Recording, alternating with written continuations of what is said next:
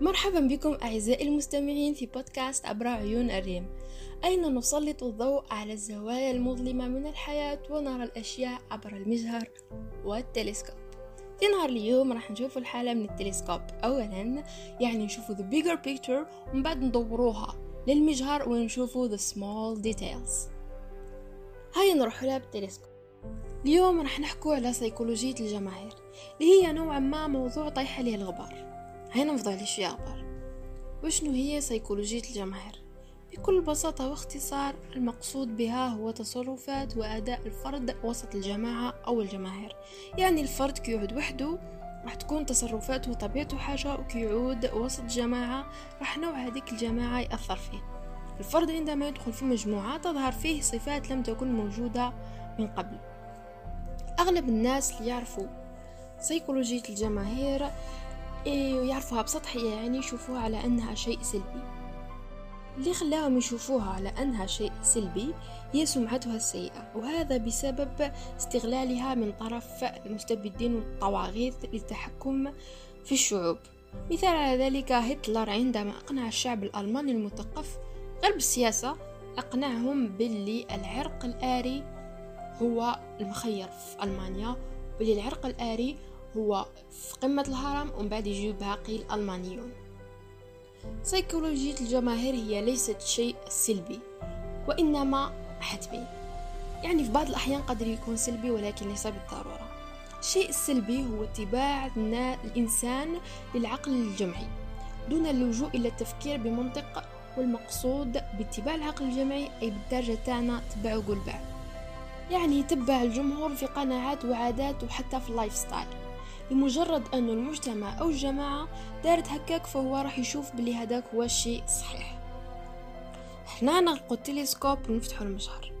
باش نشوفو شوية more details كون نطرقوا إلى الجماهير كموضوع للدراسة. راح نلقاو بلي الجمهور ليس لديه أي شيء مدروس. كل شيء معتمد على اللحظة اللي راهو فيها ولا العاطفة. والجمهور يسيطر عليه العدوى بالأفكار بشكل رهيب. وتنتشر العواطف بينهم والخرافات بمنتهى السهولة. ولا داعي للأمثلة والإطالة خطر مجتمعنا والناس المحيطة بنا مثال حي على ذلك. العاطفة. الناس عامة لا تتقبل الحقيقة وليس لديها قابلية لتقبل الواقع. الجماهير تميل للخيال والأوهام وتحارب الناس اللي يحاولوا يكشفوا الأوهام. مرحبا بكم أعزائي المستمعين في بودكاست عبر عيون الريم. أين نسلط الضوء على الزوايا المظلمة من الحياة ونرى الأشياء عبر المجهر والتلسكوب؟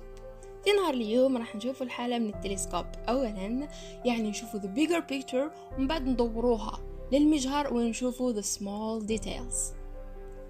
هيا نروح لها بالتلسكوب اليوم راح نحكو على سيكولوجية الجماهير اللي هي نوعا ما موضوع طيح عليه الغبار هنا نفضل شوية أخبار؟ وشنو هي سيكولوجية الجماهير؟ بكل بساطة واختصار المقصود بها هو تصرفات وأداء الفرد وسط الجماعة أو الجماهير. يعني الفرد كيعود وحده راح تكون تصرفاته وطبيعته حاجة وكيعود وسط جماعة راح نوع هذيك الجماعة يأثر فيه. الفرد عندما يدخل في مجموعة تظهر فيه صفات لم تكن موجودة من قبل.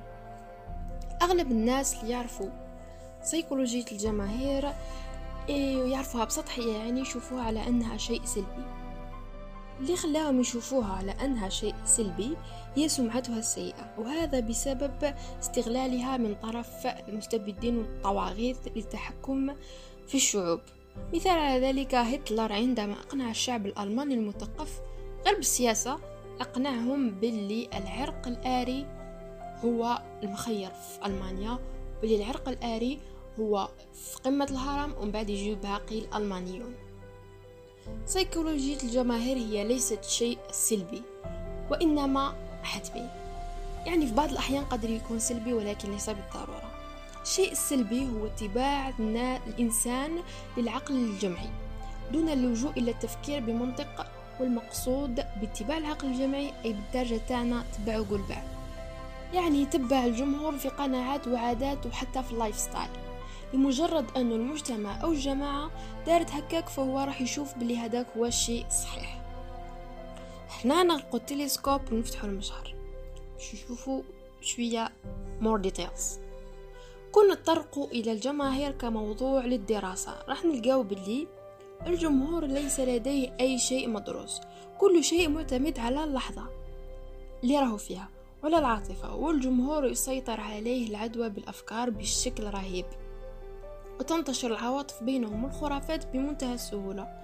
ولا داعي للأمثلة والإطالة خطر مجتمعنا والناس المحيطة بنا مثال حي على ذلك. العاطفة.